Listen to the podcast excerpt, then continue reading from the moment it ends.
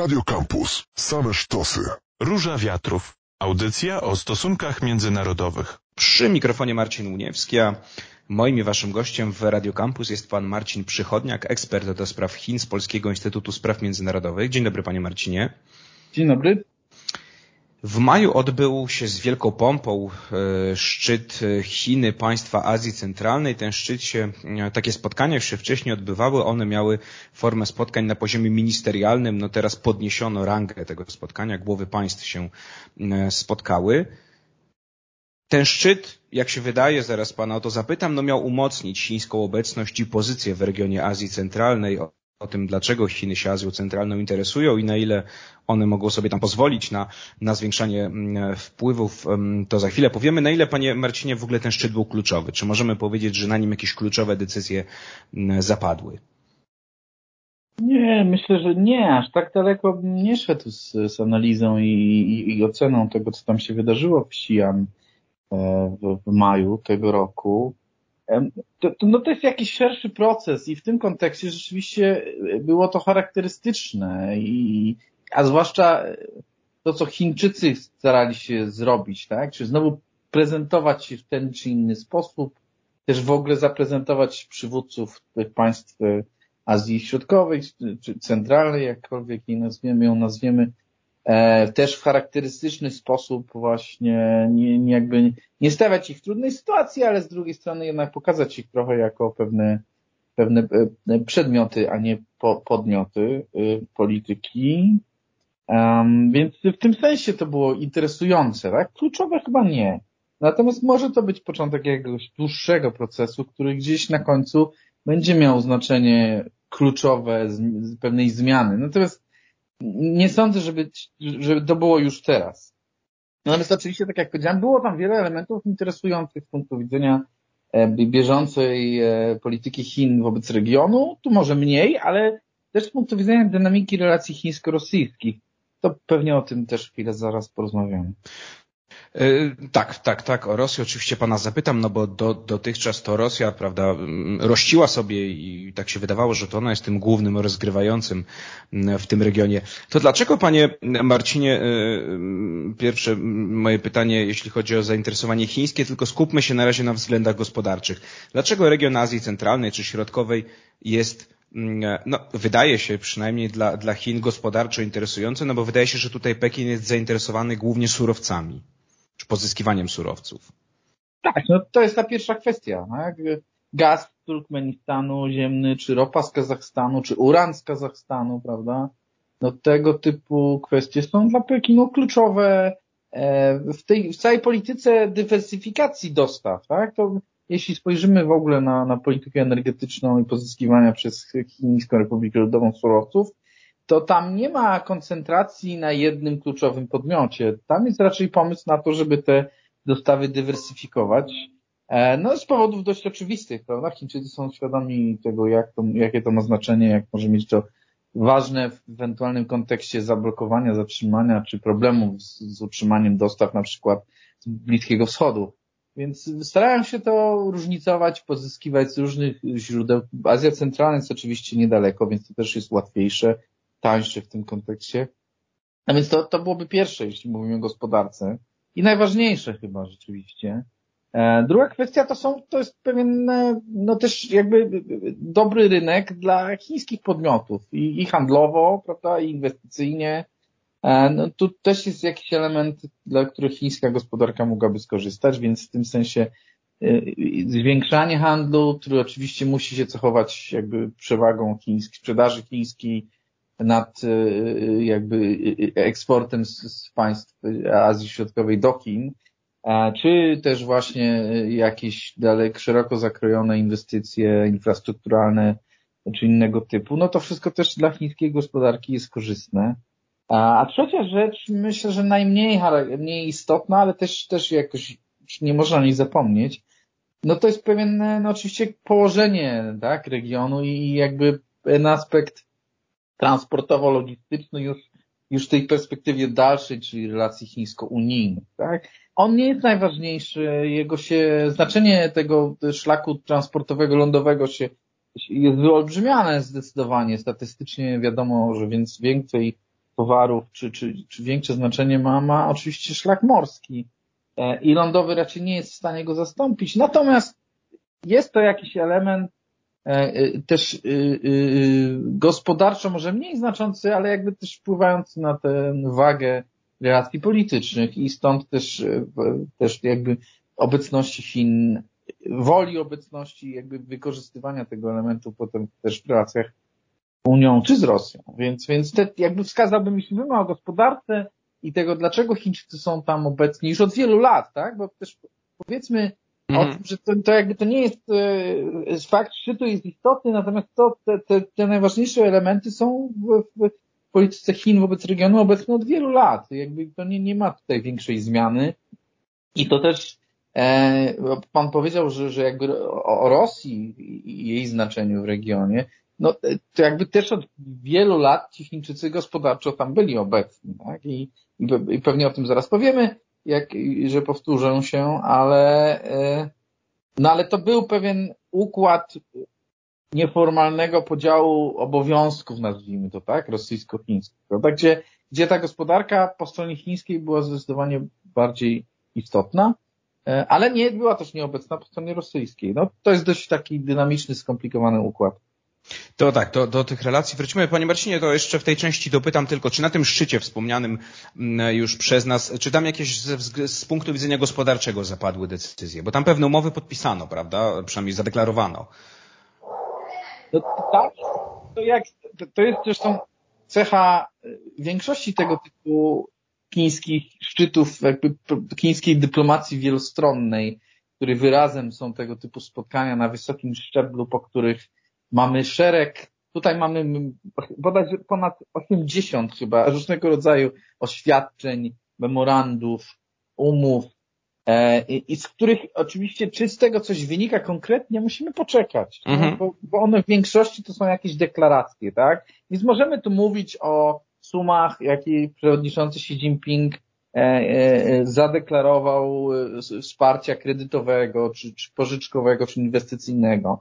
Tak? Możemy mówić o pewnych gwarancjach, czy, czy deklaracjach właśnie stabilizacji dostaw gazu z Turkmenistanu do Chin. Wspominałem o tym wcześniej, bo to też wisiało na ostrzu noża, że tak powiem, bo to Chińczycy e, znaczy obawiali się, że, że to zostanie wstrzymane. E, możemy mówić o pewnych wznowieniu rozmów dotyczących inwestycji, prawda, czy energetycznych, e, rurociągów, czy um, transportowych, E, jakby przyspieszeniu, czy wznowieniu, czy, czy aktywizowaniu na nowo, ale, ale jeśli chodzi o sens, sens gospodarczy, no musimy jak zwykle poczekać na to, czy to się zmaterializuje. Tu, te, tego, jeśli mówimy, rozmawiamy konkretnie już o samym szczycie, no to, to jego wymiar ma raczej i znaczenie ma raczej głównie znaczenie oczywiście polityczne i wizerunkowe, tak? Bo jest, jest to jakiś kolejny element pewnej narracji jednak Pekinu co do tego, czy to się przerodzi w rzeczywistą politykę, chociaż jak, y, tu, przepraszam za tę dygresję następną, ale, ale y, y, no, już pewne elementy statystycznie widzimy, o, na przykład o zwiększającym się handlu między Chinami i Uzbekistanem, prawda? Wymianie handlowej w ostatnich miesiącach. Więc poczekajmy na realne efekty, jeśli chodzi o gospodarkę. Czy te oświadczenia, czy te deklaracje przerodzą się w, w rzeczywistość? Myślę, że częściowo tak ale główną, główną istotę i znaczenie tego szczytu, tak jak, jak powiedziałem, w większości tego typu inicjatyw chińskich dyplomacji wielostronnej, której gromadzi się określonych partnerów w określonym miejscu i, i nadaje temu pewne znaczenie polityczne, no, to jest jakby chyba clue tego, tego szczytu w Xi'an. Stanu. E, panie Marcinie, powiedzieliśmy o e, kwestiach gospodarczych. One się wydają, tak jak Pan powiedział, no najważniejsze z tej chińskiej perspektywy. A jeśli chodzi o kwestie polityczne i kwestie, połączmy to już bezpieczeństwa. Co tutaj chcą ugrać Chiny, jeśli chodzi o e, Azję Centralną, czy tutaj na przykład kwestia Afganistanu, czyli y, stabilizacji regionu, żeby nie, Afganistan na niego nie wpływał negatywnie, albo region nie wpływał na Afganistan też, żeby tutaj od tej tak. strony zabezpieczyć. Afganistan jest tu, odgrywa szczególną rolę, dość taką i, i powiązaną, ale też trochę osobną, więc Afganistan nie może za chwilę, na mhm. najpierw ogólnie, bo to też moim zdaniem jest kluczowe, jeśli chodzi o zrozumienie wagi samego szczytu, ale też wagi Azji Centralnej dla Chin, gdzie ten aspekt gospodarczy jest istotny, ale nie jest najważniejszy. Znaczy może poza tą energetyką oczywiście, ale generalnie no, to nie jest region, bez którego chińska gospodarka e, miałaby jakieś ogromne problemy, tak? jeśli chodzi o handlowy, wymiar handlowy czy inwestycyjny, ale kluczowe dla Chińczyków jest utrzymanie stabilizacji politycznej w tym regionie, tak? Uniknięcie, e, e, nazwijmy to chińską retoryką kolorowych rewolucji, prawda?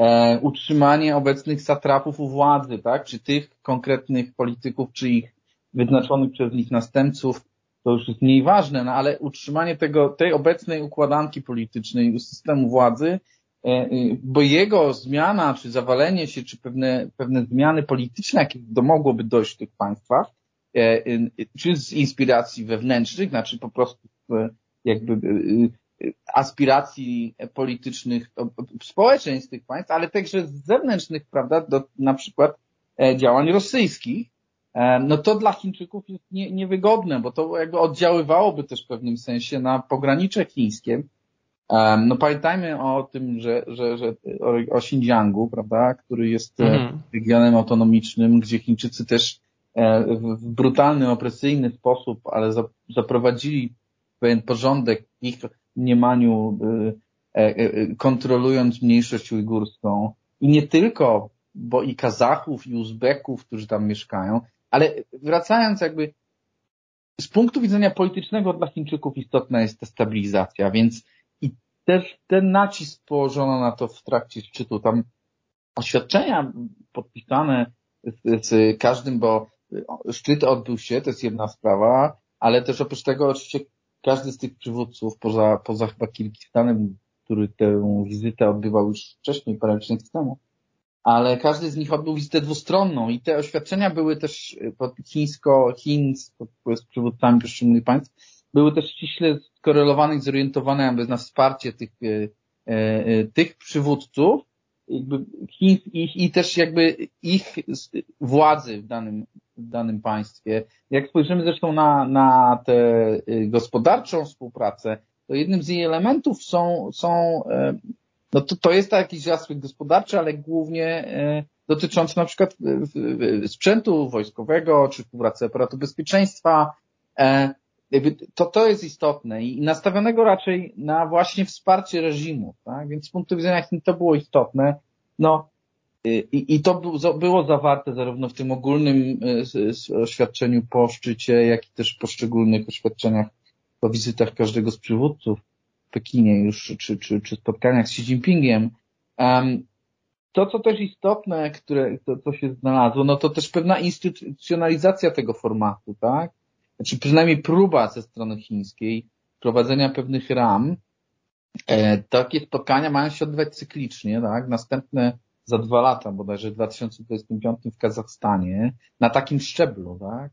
E, I, i ma w, w obrębie chińskiego MSZ ma też postać pewna komórka zajmująca się stricte tego typu współpracą właśnie Chiny, y, Azja Centralna, więc no więc jakby to wszystko jest nastawione na to, że znaczy na pewno zmieniającą się rolę Chin, a może nawet no, nie tyle zmieniającą, to aktywizację Chin w pewnych obszarach, tak? Xi Jinping, tak, tu przejdźmy może do, rzeczywiście trochę do bezpieczeństwa, bo zaproponował yy, yy, gdzieś szczegółów, nie, nie ujawniono tej propozycji dokładnych szczegółów, ale yy, szerszą współpracę właśnie w zakresie bezpieczeństwa. Tak? No, jakby, co pewnie będzie polegało raczej na wznowieniu zawieszonych wcześniej ćwiczeń właśnie sił porządkowych, sił policyjnych, jakby też jakby zwiększaniu tej ekspertyzy lokalnych reżimów, e, e, ich e, możliwości jakby zachowania władzy, kontroli społeczeństwa, skorzystając z chińskich doświadczeń, prawda? To, to, więc to jest jakby chiński wkład w stabilizację regionu, w, w, dotyczący już jakby spraw wewnętrznych każdego z tych poszczególnych państw. Mm, no i tu oczywiście ten Afganistan, który bezpośrednio częścią nie jest oczywiście, ale, ale też jakby um, odgrywa pewną rolę jako też kolejny element prezentacji Chin możliwości e, stabilizacji możliwości wpływów, też jakby w pewnej kontrze do Stanów Zjednoczonych. To ciekawe, jeśli, jeśli przeczytamy te dokumenty ze szczytu, tam kontekst amerykański się praktycznie nie pojawiał. Znaczy to, tej retoryki, która zazwyczaj Chińczycy starają się włożyć e, do każdego z, z dokumentów e, w, w, w, w stosunkach międzynarodowych e, obwiniających mniej czy bardziej bezpośrednio Stany Zjednoczone o, o, o hegemoniczne zapędy i destabilizację. Tego w, w szczycie, dokumentach szczytu nie było. Natomiast oczywiście to jest elementem polityki Chin wobec Afganistanu, tak? Tym, że to jest nadal polityka obliczona głównie na kreację pewnego wizerunku. Tak? Ostrożna, nie ma mowy o uznaniu reżimu talibów, prawda? E, e, ale są kontakty z tym reżimem, prawda? Też głównie wizerunkowo wspomagające Chiny jako ten, to państwo, które dba o stabilizację, dba o, o pewien porządek w regionie, tak? Czy de facto ma możliwości, żeby realnie tę stabilizację gwarantować, to jest już inna sprawa. Jakby cały ten szczyt i w ogóle ta polityka Chin wobec Azji Środkowej ma wzmacniać pewną retorykę, ma wzmacniać pewną narrację, wzmacniać pewien wizerunek, tak? E, ma ten, ta in, pewne inicjatywy, o których już wspomniałem, w tym ta współpraca dotycząca bezpieczeństwa, no, jest jakimś sygnałem, który pokazuje, że Chiny też nie tylko chcą o tym mówić i wzmacniać politycznie, ale też coś działać, dawać pewne instrumenty, czy jeszcze więcej tych instrumentów e, niż wcześniej było e, we współpracy z tymi państwami jakby e, dystrybuowane, niż, niż Chińczycy wcześniej ofiarowali, sprzedali czy, czy nauczyli. To gdzie w tym wszystkim Rosja? No bo do tej pory, czy tak się uważało przynajmniej, że to no, głównym graczem w regionie była Rosja, to była bliska zagranica w nomenklaturze rosyjskiej polityki po, mm, po, po, po rosyjskiej inwazji na Ukrainę i po tym, jak ona, jak ona e, idzie, znaczy Kreml nie odniósł tych zakładanych sukcesów, wydaje się, że ta pozycja Rosji trochę osłabła. Część państw regionu się dystansuje albo próbuje się dystansować od Federacji mm, Rosyjskiej. No i teraz pytanie, czy tym, co robi Pekin, to on rzuca wyzwanie Moskwie, czy to jest raczej próba zajęcia tej działki, której Rosja sobie nie radzi, czyli kwestii gospodarczej przede wszystkim? Ten, ten, ten podział, jak już wspomniałem wcześniej, ten nieformalny podział istniał od dawna, tak? Znaczy jego, jego troszkę jego wyrazem była Szanghajska Organizacja Współpracy, o której nie wspomnieliśmy, ale no, organizacja na początku regionalna, obecnie rozrosła się do ogromnych rozmiarów, przyjmując kolejnych członków, ale generalnie stworzona przez Rosję i przez Chiny e, jako pewien element e, właśnie podziału obowiązków. E, ja trochę upraszczam, ale generalnie mhm kontroli nad regionem, e, ale która po prostu przestała funkcjonować efektywnie z punktu widzenia chińskiego zwłaszcza, no w związku z tym nie, jakby niezgodą pewnych interesów chińsko-rosyjskich. E, z tym, że Chińczycy zawsze wiedzieli i myślę, że wiedzą do dzisiaj, że oni, że, że jeśli chodzi o ten priorytet, czyli stabilizację w regionie, mają ograniczone możliwości reakcji, takiej realnej reakcji, no, znaczy interwencji tak naprawdę, tak? Czy czegoś takiego, co obserwowaliśmy chociażby w Kazachstanie e, jakiś czas temu, tak? E, gdzie, gdzie, gdzie, gdzie to Rosja, oczywiście pod auspicjami e, innymi, ale, ale de facto Rosja za zgodą chińską e, nie, do, nie, nie pozwoliła na, na, na bunt społeczny i, i, jakby zagwarantowała dotychczasowej władzy i zachowanie, tak? I, ta, I tego typu podział z punktu widzenia Chińczyków był dość korzystny, tak? No bo on też zdejmował pewne odium. E, e, e, Czy Chiny chyba nie lubią, prawda, militarnie się poza granicami angażować w... Nie wiem, czy to jest kwestia lubienia. Na pewno. Znaczy, nie, nie no, jest to ich, nie jest to ich taktyka, prawda? Nie, znaczy, nie, moim zdaniem oni jak najbardziej są gotowe do tego i, i jakby znają pewne, znaczy i mają pewne priorytety, które powodują, iż takich interwencji w politykę państw innych się dopuszczają, tak? Nie mają potencjału czy może mają, czy pracują nad rozbudową tego potencjału, ale wydaje mi się, że jeszcze go do końca nie mają, mhm. który pozwalałby na ani potencjału stricte militarno-policyjnego, nazwijmy to, tak, w różnych aspektach. To jest inny temat na inną rozmowę o chińskich możliwościach projekcji siły na świecie, ale jakby, ale generalnie ten proces rozbudowy tego potencjału się odbywa, ale myślę, że jeszcze nie jest wystarczający. żebyśmy mogli mówić, nie wiem, no, o chińskich oddziałach desantowych w innym państwie, tak, zaprowadzających tam po, mhm. E, ale, y, y, y, no, ale jakby używają innych instrumentów do tego i używały do tego innych instrumentów. To, co się teraz odbywa, e, no to jest pewne załamanie tego nieformalnego podziału obowiązków w regionie, tak? Gdzie oczywiście dla Chińczyków celem nie jest wyrzucenie z niego Rosji, bo to jest chyba niemożliwe, tak? I zresztą to też. No właśnie, to było moje drugie pytanie od razu.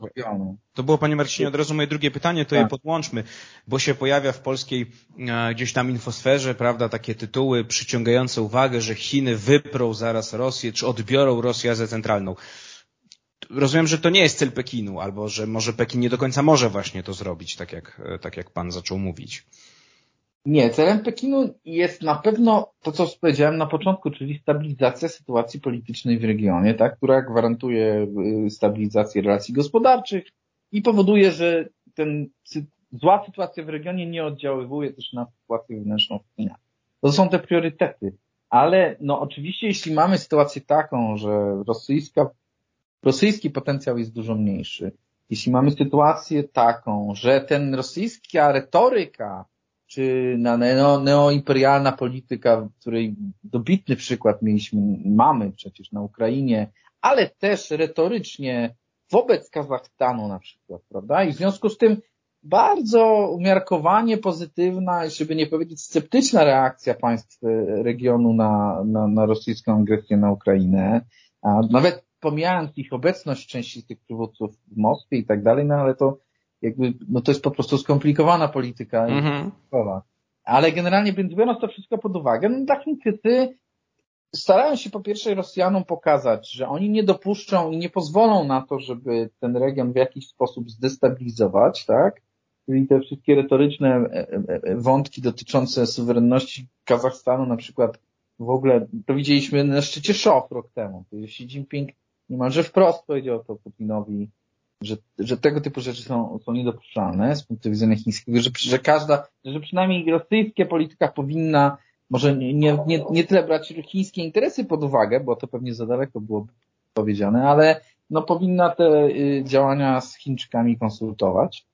Um, no i to widzieliśmy rok temu na szczycie Szczowa. Teraz to, co widzimy teraz, no to jest jakby poszerzanie tego chińskiego spektrum zainteresowania, tak? tak jakby wykorzystywanie tej sytuacji żeby dać państwom regionu do zrozumienia, że, że Chińczycy i oczywiście myślę, że państwa regionu są też tego świadome, oczywiście Chińczycy e, nie, nie sprzedadzą w cudzysłowie strategicznych celów e, współpracy z Rosją e, na, jakby, na rzecz relacji z Azją Centralną.